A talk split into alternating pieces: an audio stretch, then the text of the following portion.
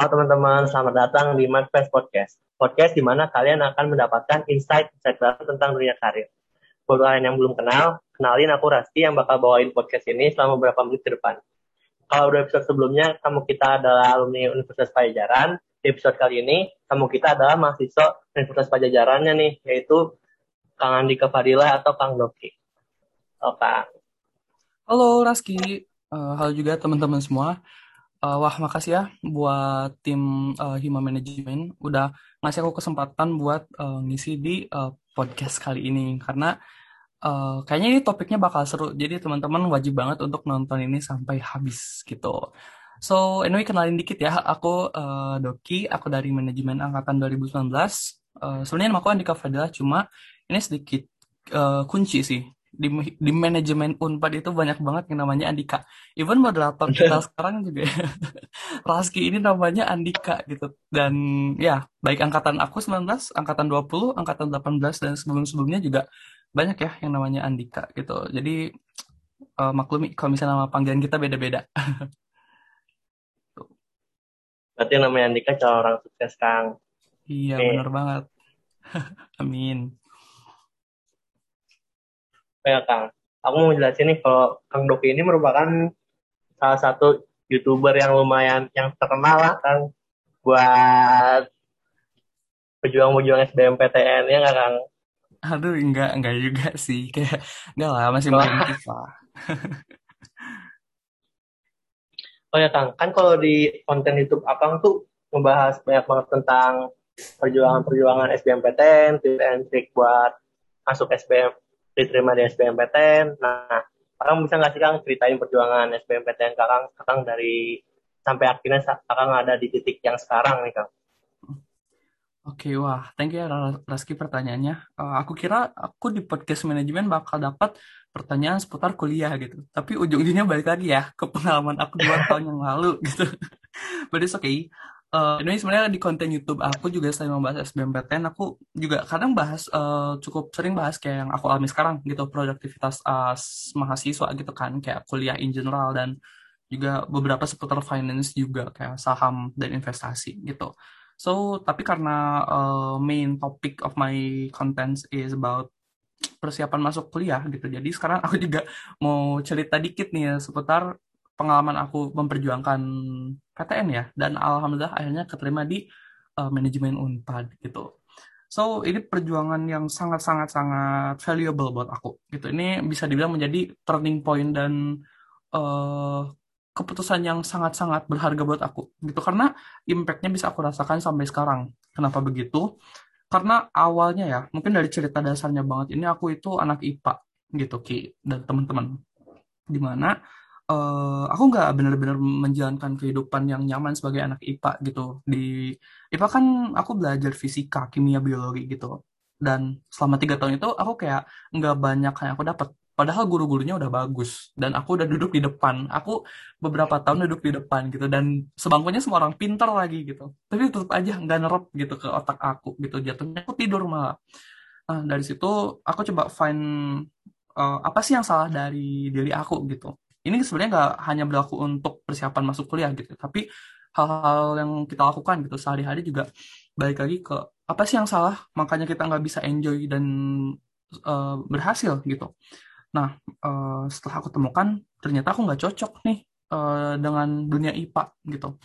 Dan pada akhirnya aku coba untuk uh, banting setir istilahnya banting setir ya dari IPA ke uh, ranah sosum kenapa sih uh, kepikiran untuk banting setir gitu jadi aku cari dulu tuh minat dan bakat aku di mana. Karena hmm, tadi ya aku gak cocok di IPA, berarti aku aku rasa kayaknya ada salah dengan minat dan bakat aku gitu. Sekaligus untuk tentuin jurusan ke depannya.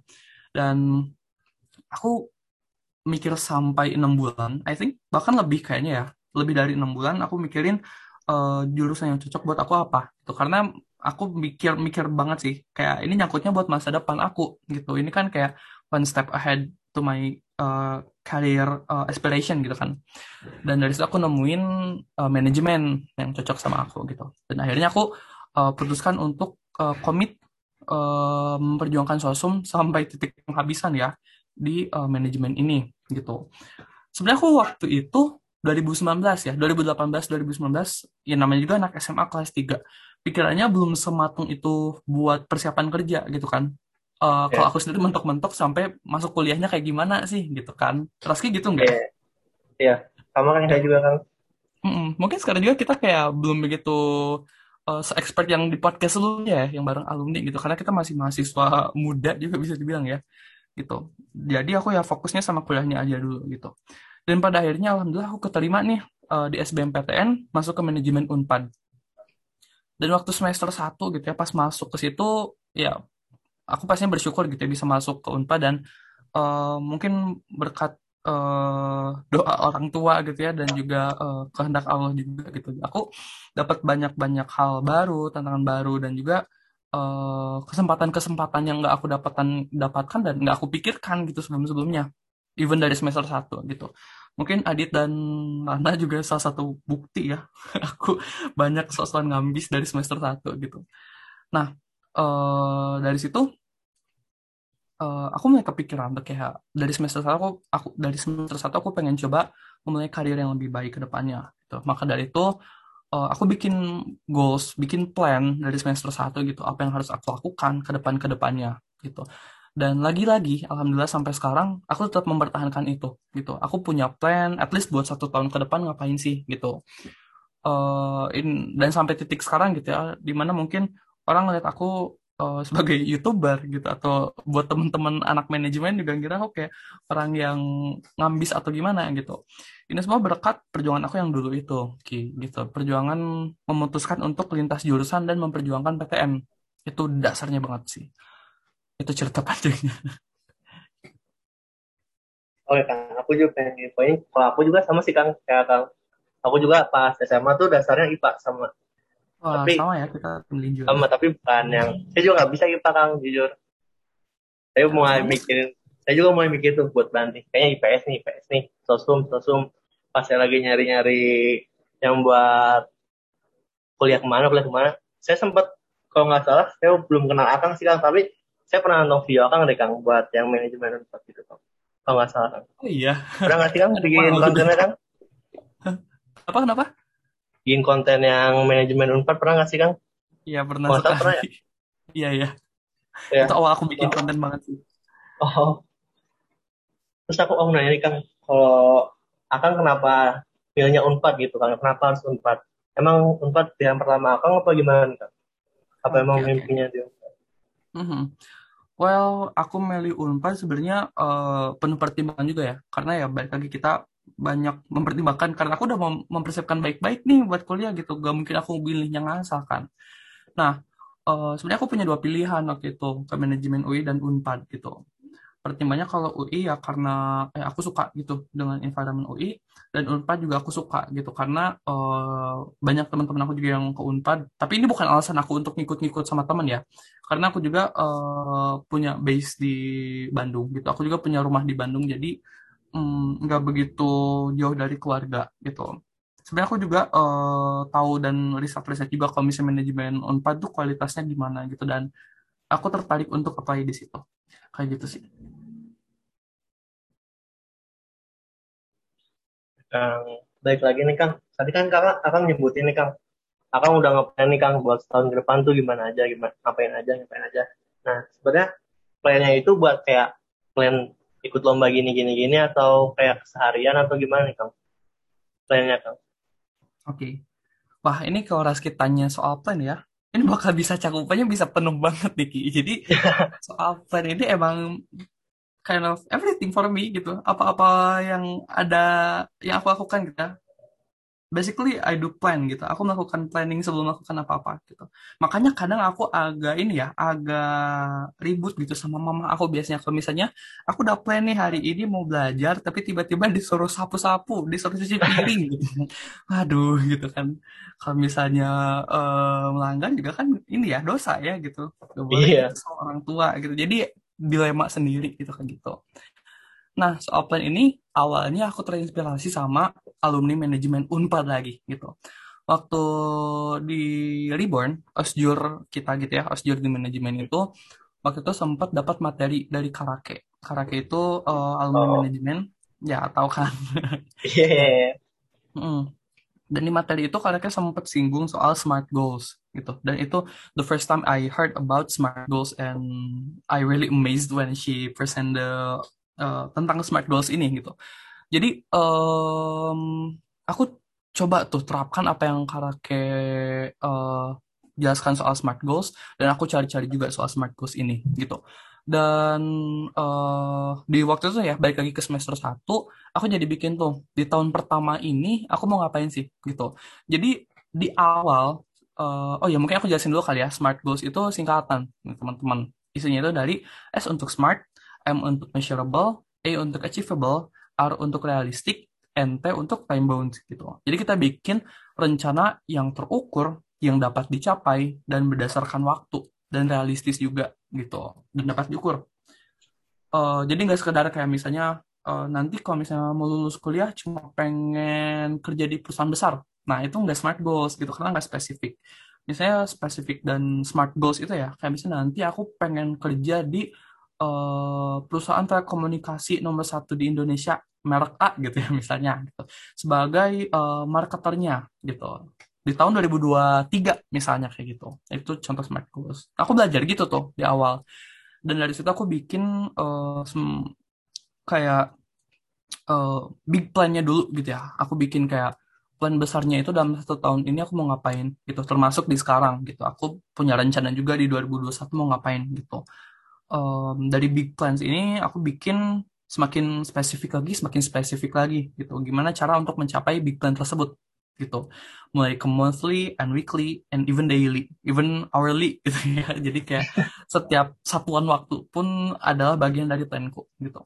Ya balik lagi sebenarnya kalau hasilnya itu ya ada di tangan Tuhan gitu ya apa yang bakal kita dapatkan cuma dengan kita berusaha ya usaha tidak mengkhianati hasil gitu. Even enggak tercapai sesuai uh, apa yang kita mau kita juga tetap dapat hikmahnya loh gitu. Jadi kalau misalnya tadi Raski nanya aku bikin plan itu per apa sih gitu. Ya bisa semua macam mulai dari per tahun sampai per uh, satuan waktu jam juga aku buat gitu. Termasuk ketika bikin podcast ini aku udah set di kalender. Makanya aku tanya ya Raski ya uh, kalau bisa invite aku di kalender dari jam 8 gitu. Gitu sih tapi kalau dari plannya itu sendiri ada dampak langsungnya nggak kang? Kayak misalnya akan jadi lebih disiplin gara-gara terapin itu atau jadi ngerasa gimana kang? Yes of ada course. Ya ya benar banget. Uh, banyak hal yang kita dapatkan dengan kita membuat planning gitu ya. Yang uh, at least berlaku buat aku sebagai mahasiswa gitu. Karena mahasiswa ya selain uh, kuliah kan kita punya kegiatan lain ya mau organisasi atau uh, professional work gitu kan bisa macam-macam jadi uh, role yang kita pegang juga ada banyak gitu. Um, yang dampaknya dari aku ya banyak banget sih ketika aku coba ya aku nggak bikin planning sama sekali itu kayak hidup tuh tidak tidak terasa hidup gitu. Makanya sometimes gitu ya kalau misalnya aku lagi gini ya, lagi menjalankan kegiatan dengan pen sambil di depan laptop nih ya ceritanya ini uh, sambil podcast atau sambil apa, aku suka mikir nih kayak ah seru banget nih hidup gitu, gue kayak happy banget nih enjoy banget ngejalaninnya gitu sesuai plan gitu kan kayak gitu. Karena kita udah expect dari awal kan, misalnya uh, buat sekarang kita bakal ngerjain uh, tugas A gitu. Jadi ketika menjalankannya ya kita sometimes aku punya rasa bersyukur juga gitu wah uh, bisa ngajarin ini sesuai time nih gitu kan sesuai uh, on time gitu. jadi seru juga gitu jadi merasa lebih hidup aja sih sebagai manusia gitu tapi kan aku jadi kepikiran nih kang kalau misalnya kan aku udah membagi waktunya gini kan kang jadi, jadi kayak per jam gitu ngapain aja ngapain aja ya kan kang nah kalau misalnya kang lagi nugas tapi ngelewat jam itu apa di stop gitu apa tetap tabrak aja kang Oke, okay. hmm, berarti kasusnya kalau gini ketika kita udah punya schedule tapi kelewat gitu ya? Hmm. Atau bahkan uh, bentrok gitu. Oke. Okay. Um, ini sering terjadi juga sih sama aku. Even sampai sekarang-sekarang juga tetap terjadi ya. Yang namanya um, kelewat atau sebagainya. Karena ya sometimes kita nggak apa ya uh, nggak bisa menjalankan semuanya sesuai jadwal gitu. Kadang kita butuh freedom juga gitu ya. Capek ya udah capek dulu gitu. Sebelumnya kan udah produktif gitu. Cuma tindakan preventif aku itu, tindakan sebelum sebelum itu terjadi gitu ya. Biasanya aku bikin schedule yang realistik gitu. pokoknya buat daily daily or weekly plan uh, aku pakai aplikasi gitu. Aku pakai Google Calendar. Uh, it depends on you ya guys. Oh, Jadi oke. mm, kalian bisa mau pakai apa aja gitu. Kalau aku basically pakai Google Calendar. Dan gimana cara aku biar menghindari itu? Aku bikin schedule yang serealistis mungkin gitu. Balik lagi ke smart goals tadi gitu ya, bagian R, Oh, realistik gitu. Jadi eh, aku bikin tuh. Misalnya aku aku tipe early bird gitu. Aku orang yang aktif bisa aktif di pagi hari gitu. Jadi oleh karena itu aku tidurnya gak boleh malam-malam banget. Gak boleh sampai jam 3 gitu, sampai jam 2 karena kalau gitu bisa bablas bangunnya kan ya. Jadi aku harus manfaatin nih tidurnya lebih pagi kayak jam satu biar jam 7-nya bisa bangun gitu. Dan mulai kegiatan. Nah, em, dari situ aku aku udah tahu karakter aku dulu gitu ya. Aku tipe yang orang pagi dan juga aku butuh waktu untuk break dari satu waktu ke waktu lain gitu. Jadi kalau misalnya oh, kalian orang-orang mengira gitu ya, orang produktif itu 24 jam kerja, ya enggak juga gitu ya. Kalau semua punya weakness and strength-nya masing-masing gitu. Kalau buat aku butuh transisi antara satu schedule ke schedule lain. Oleh karena itu di Google Calendar aku biasanya set break dulu. Even bisa nyampe satu jam gitu. Misalnya dari sekarang bikin podcast gitu ya. Eh, setelah bikin podcast dalam satu jam aku bakal break dulu, baru lanjut ke kegiatan lainnya. Kayak gitu. Em, jadi kita harus bikin serealistis mungkin dan juga spesifik ya teman-teman gitu. Kita bikin em, jangan sekedar kayak misalnya jam 7 sampai jam 9 belajar. Nah, kita kan nggak tahu mau belajar apa. Nanti waktunya justru jam 7-nya buat mikir tuh kan, mikir "Oh, belajar apa ya gitu. Lah, gua kan nggak ada PR gitu kan kita jadi bingung kan ya. Gitu. Jadi bikin balik lagi ke smart goals. Kayak gitu sih buat aku. berarti buat kuncinya pasti smart goals ya Kang ya, kunci utamanya ya Kang ya. Iya.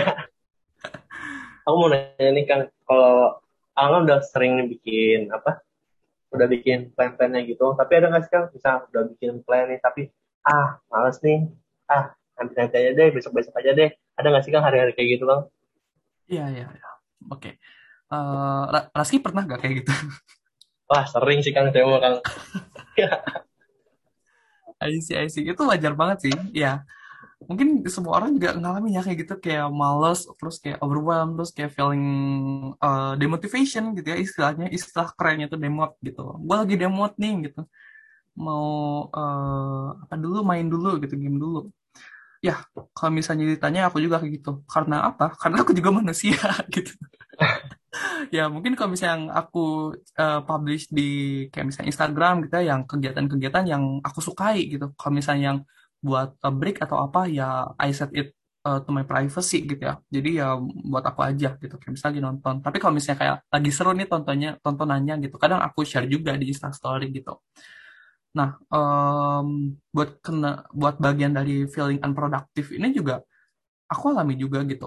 Kenapa? Karena eh, buat aku sendiri aku merasa wajar banget dan eh, itu hal yang manusiawi untuk feeling unproductive atau remote gitu. Terlebih kalau misalnya kita orang yang eh, banyak kerjaan gitu ya. Kalau misalnya sebelum-sebelumnya udah banyak melakukan output, udah punya banyak hasil gitu yang udah eh, dilakukan, ya itu wajar. Kalau misalnya you have eh, you need a break gitu ya, kamu butuh waktu untuk eh, istirahat dulu gitu.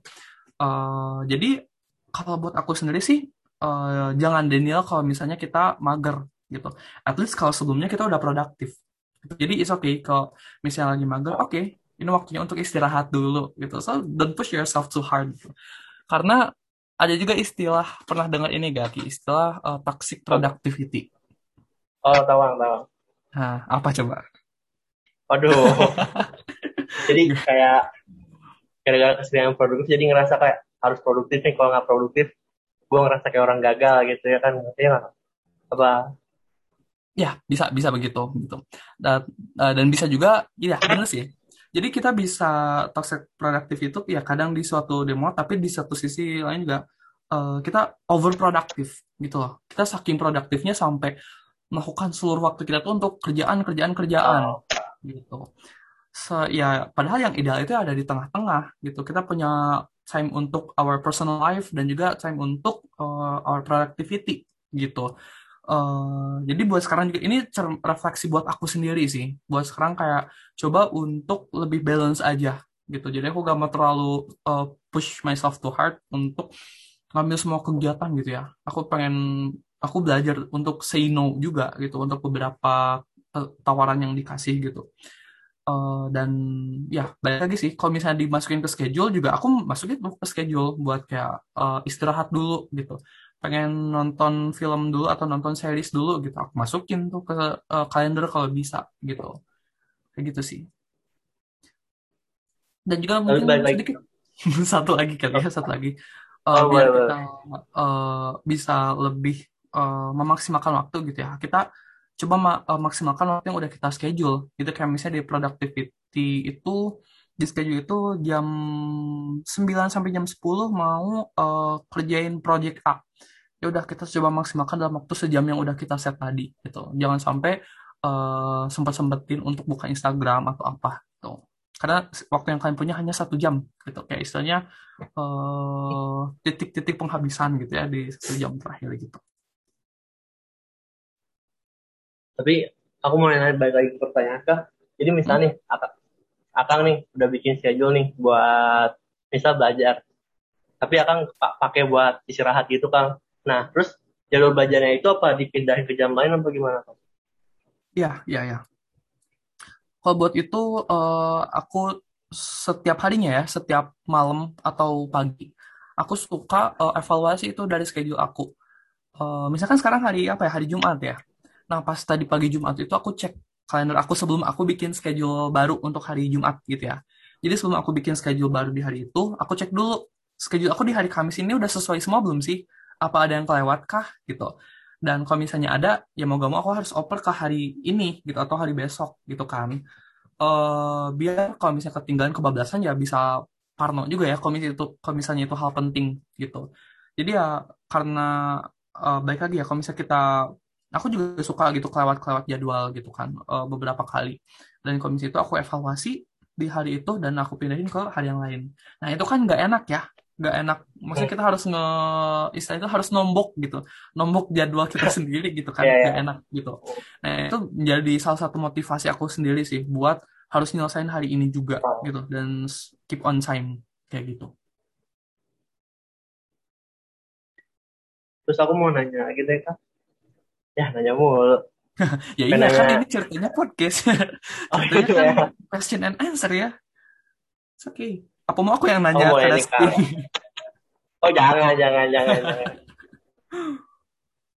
Kemudian kan sekarang kan Akang udah punya YouTube yang lumayan gede hitungannya Akang. Aku mau nanya gimana sih kan cara Akang self branding YouTube Akang itu Bang? Kayak gimana sih kayak Akang ngerintis dari awal YouTube-nya terus kayak pernah ada hambatan nggak sih kang dari apa rintis YouTube-nya kang? Oke oke. Wah ini pertanyaan yang seru dan lagi-lagi bakal panjang ya sepertinya. Since uh, kayaknya aku sebelum bahas YouTube-nya juga aku bahas lagi soal passion passion lagi gitu ya. Uh, sebelum aku terjun YouTube juga aku lagi-lagi planning dulu dan aku considering many things gitu sebelum aku mulai YouTube. Aku sebenarnya awalnya mikir dulu gitu kan kayak what kind of work I like gitu dan kayak uh, kamu tuh suka apa gitu yang bisa um, menjadi suatu penghasilan gitu. Ya aku pelajari juga dari uh, ikigai gitu. Mungkin teman-teman bisa search juga soal ikigai. Jadi itu uh, ikigai itu artinya kayak purpose of life gitu. Apa tujuan kita dalam hidup gitu. Itu bisa change uh, karena manusia berubah gitu ya.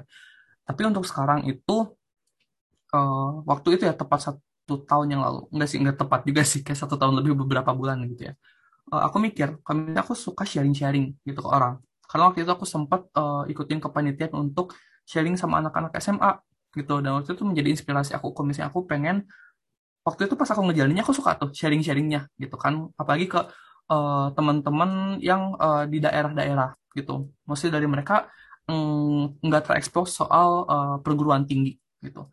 Dari situ aku belajar kalau misalnya wah masyarakat di Indonesia ini ternyata banyak ya. Nggak uh, di, lebih luas dari apa yang aku pandang gitu. Banyak dari sana yang punya uh, barriers atau hambatan untuk bisa uh, terjun ke pendidikan yang lebih tinggi. Maka dari itu aku pengen coba manfaatkan nih berbagai hal yang bisa menjadi manfaat buat aku gitu. tadi aku suka sharing gitu ya. Aku suka sharing plus aku juga emang agak narsis ya. Jadi kayak aku suka untuk uh, kayak gini nih uh, di depan yeah. kamera gitu. Dan dari situ aku juga pengen kasih impact ke para masyarakat di Indonesia ya buat teman-teman yang mau lanjut pendidikan. Biar generasi di masa depan bisa uh, punya pendidikan yang lebih layak dan lebih bagus gitu. Dengan memanfaatkan teknologi yang ada gitu kan lewat uh, YouTube gitu. Dan ditambah dengan itu juga sebagai bonus sih ini sebagai bonus gitu aku bisa mendapat penghasilan juga gitu. Dan juga mendapat um, personal branding yang lebih juga gitu. Dibandingkan aku nggak bikin YouTube gitu kan. Ya at least dan aku bikin YouTube dan alhamdulillahnya bisa nyampe sekarang sedikit-sedikit aku bisa dikenal orang gitu kan. So itu banyak yang bisa aku dapatkan gitu dengan mengandalkan apa yang aku punya dan apa yang di lingkungan aku punya gitu kan. Ya stakeholdernya lah istilah manajemennya gitu. Ya. jadi ya ini hal yang emang kompleks dan uh, menarik gitu ya buat aku Terus um, tadi aku uh, sempat concern soal pertanyaan Rizky soal gimana cara aku personal brandingnya gitu. Lagi-lagi ya soal passion juga ya, di mana um, ini aku pelajari di manajemen Unpad gitu, soal marketing gitu. Kalau misalnya teman-teman ya, Rizky juga ya nanti semester 3 juga bakal belajar-belajar juga tuh soal konten-konten dan juga uh, oh. branding gitu. Uh, aku di semester 4 juga belajar gitu. Nah, um, dari situ hmm, aku belajar. jadi apa yang aku pelajari di kuliah tuh bisa aku aplikasikan. Lagi-lagi ini memanfaatkan lingkungan yang ada ya, situasi yang ada gitu. Aku aplikasikan dan itu bisa menjadi uh, feedback sendiri buat kuliah aku gitu.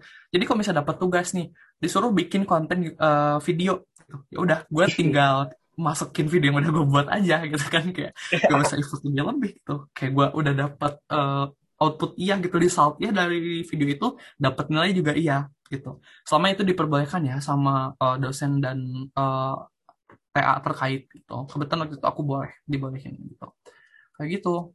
Dan aku belajar kayak based on marketing sih. Kayak misalnya apa sih masyarakat butuhkan, apa yang audiens butuhkan, gitu. terus apa yang uh, value yang bisa aku sampaikan ke mereka gitu. Enggak sekedar apa yang aku pengen gitu, tapi yang mereka juga butuhkan kayak gitu. Jadi istilah-istilah marketing itu uh, aku terapkan di sini. Makanya aku tertarik untuk konsentrasi marketing. Oh. Terus kalau hambatannya ada nggak sih kan dari ngerintis bikin YouTube itu bang? Ya, yeah, of course, of course. Ada ada ada banget gitu ya hambatan-hambatan dari berbagai gitu? kegiatan juga. Kita punya resiko dan kendala kan ya. Makanya itu kita punya di di manajemen untuk uh, future leader ya, leading and inspiring gitu ya. Kita harus bisa ah. solve the problem gitu, managing uh, the solution gitu kan, apa hasil yang harus bisa kita dapatkan. Kalau di kasus ini uh, dari segi YouTube sendiri, mungkin salah satunya adalah uh, workload-nya yang tinggi gitu, di mana aku ngerjain semuanya sendiri gitu, aku belum punya tim karena aku rasa aku belum cukup uh, patut mempunyai tim gitu ya buat sekarang gitu karena I think belum sebesar itu gitu itu. Tapi kalau misalnya dikerjain sendiri juga ya besar gitu kan kerjaannya di mana aku harus script bikin script sendiri harus record sendiri terus ngedit sendiri publish sendiri promosiin sendiri gitu everything gitu. Uh, harus dikerjain sendiri. Di mana YouTube itu bukan satu-satunya yang aku lakukan gitu. Aku masih punya kuliah juga gitu ya masih punya organisasi terus kerjaan juga iya gitu. Um, it, jadi kadang suka overwhelmed dan nggak bisa nongkrong nongkrong bareng teman gitu. Kadang aku juga pengen gitu ya waktu-waktu kayak gitu tapi di kalau misalnya kita ambil lagi hikmahnya gitu ya aku bisa belajar banyak gitu dari banyak roles yang aku pegang sebagai satu orang ini gitu. Uh, belajar banyak hal dan bisa aku terapkan juga di banyak uh, berbagai hal juga gitu. Even di CV juga di aku masukin tuh sebagai content creator di YouTube aku masukin di CV dan aku jelasin bagian-bagian apa yang aku kerjakan gitu. Banyak gitu ya kayak gitu. Dan dari situ juga menjadi uh, konsiderasi juga buat aku gitu kalau misalnya apakah aku harus membentuk suatu tim gitu.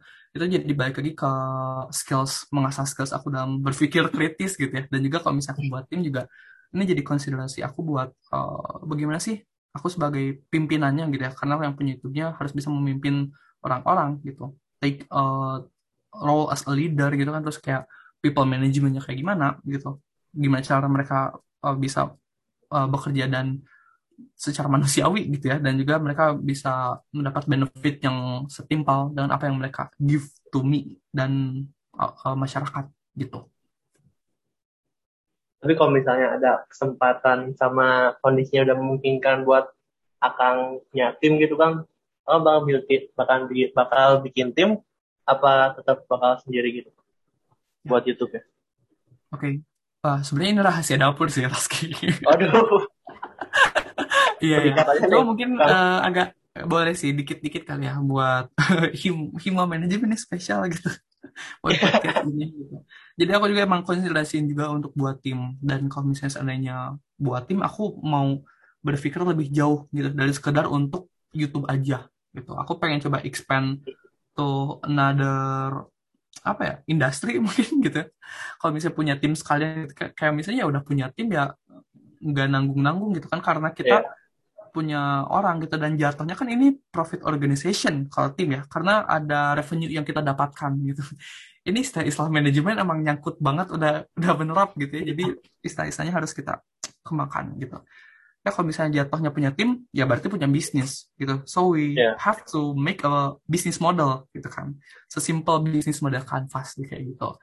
Jadi eh, aku juga harus banyak pertimbangan dari situ gitu dan I think biar eh, bisa profitable nih si tim ini, aku harus berpikir lebih jauh lagi gitu dari sekedar tim untuk video gitu. Oke, Kang. Terakhir nih, Kang, pengen nanya, Kang. Kan tadi, tadi kan Akang bilang kalau Akang tuh tipe orang yang emang narsis, Kang. Nah, tapi aku pengen nanya nih, Kang. Pas dari pas bikin YouTube nih awal-awal, Kang, Akang sempat merasa canggung nggak sih, Kang, depan kamera, Kang? Terus ada tips nggak sih, Kang, biar Well, udah jadi kayak sekarang nih udah lancar banget kayak gini nih. Nggak canggung sama sekali. Oh, enggak enggak. Sebenarnya ini eh, ininya doang sih, eh, alibi doang. Kita aku ngobrol gini, enggak ada bercanda-bercanda. Guys, sebenarnya emang selain narsis juga aku orang yang ekstrovert gitu. Ekstrovert aku cukup tinggi. Jadi kayak I think dengan ngobrol sama orang juga menjadi eh, gain energi buat aku gitu.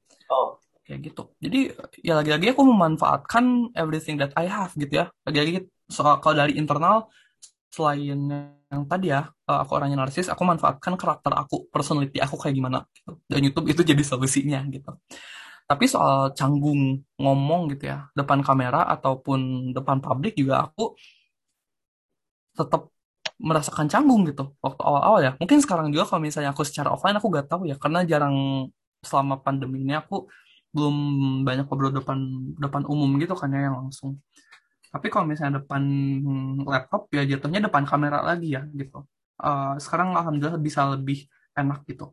Tapi lagi-lagi mungkin ini back to apa ya jam terbang bisa dibilang gitu. Kalau misalnya teman-teman lihat video pertama aku di YouTube masih aku keep tuh ya satu tahun lalu aku ingat Februari 2020 pertama aku bikin video kalau misalnya ngeliat itu agak geli dan cringe gitu. Cringe-nya tuh bukan apa ya bukan karena akunya yang aneh gitu tapi lebih ke kayak awkward-nya gitu loh. Kayak terus oh, kayak jokes-jokes garing gitu ngerti gak sih? Kayak iya, iya, iya. aku gitu kayak awkward dan jatuhnya cringe gitu. Buat aku sendiri kayak gitu ya. Aku gak berani nonton video-video lama aku sebenarnya. Kayak aku tonton at least yang seminggu kemarin aku bikin video gitu itu yang aku tontonin gitu. Nah eh, dan aku coba refleksi diri gitu ya dari situ dari pertama aku bikin Februari 2020 sampai sekarang udah nyentuh ke Mei 2021 kalau misalnya aku bikin time lapse gitu ya semua video aku tuh banyak perkembangan dari cara aku bicaranya gitu. Dan cara aku menyampaikan kalimat-kalimat eh, dan value ke audiens gitu itu juga banyak perkembangan at least menurut aku sendiri gitu ya. Eh, jadi kalau misalnya saran ya buat eh, Raski dan teman-teman kalau misalnya ragu dari awal untuk canggung ya just do it gitu karena eh, yang itu all about experience sih. Apa apa itu tentang gimana pengalaman kita gitu ya. Sem- people orang itu berkembang ya. People itu berkembang develop gitu. And the way we will grow gitu. Gimana cara kita agar bisa tumbuh itu dengan belajar dan mengalaminya gitu dengan eh, langsung gitu gitu ke lapangannya gitu. Kalau kasus ini ya dengan ngomong depan kamera ya. Waktu awal awal aku canggung itu ya, waktu aku pernah bikin video itu aku juga sama mikir, duh gue narsis dan suka sharing, tapi gak tahu nih kasusnya kalau depan kamera kayak Oh, gimana gitu. Dan iya pada akhirnya di resultnya di satu video itu juga agak mengecewakan ya buat aku gitu. Kok gue gini banget kalau ngomong depan kamera gitu.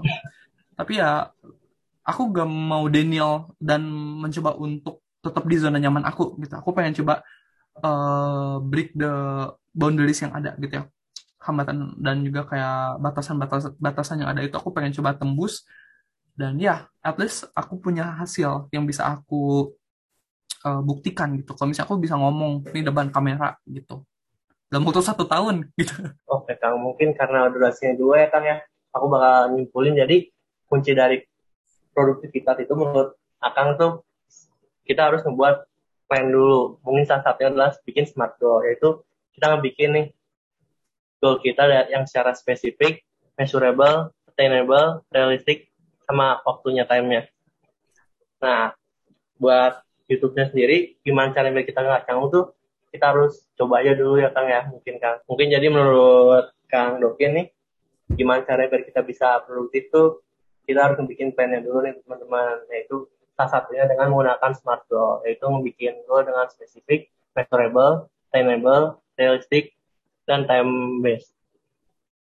Nah, untuk gimana cara kita biar nggak canggung kamera nih ya kita harus ya, lakuin aja cobain aja dulu nih. Per, yang per, semua juga bakal ada pertama first time-nya lah. Pasti ada first time-nya. Dan dari situ kita bakal berkembang juga. Oke. Okay.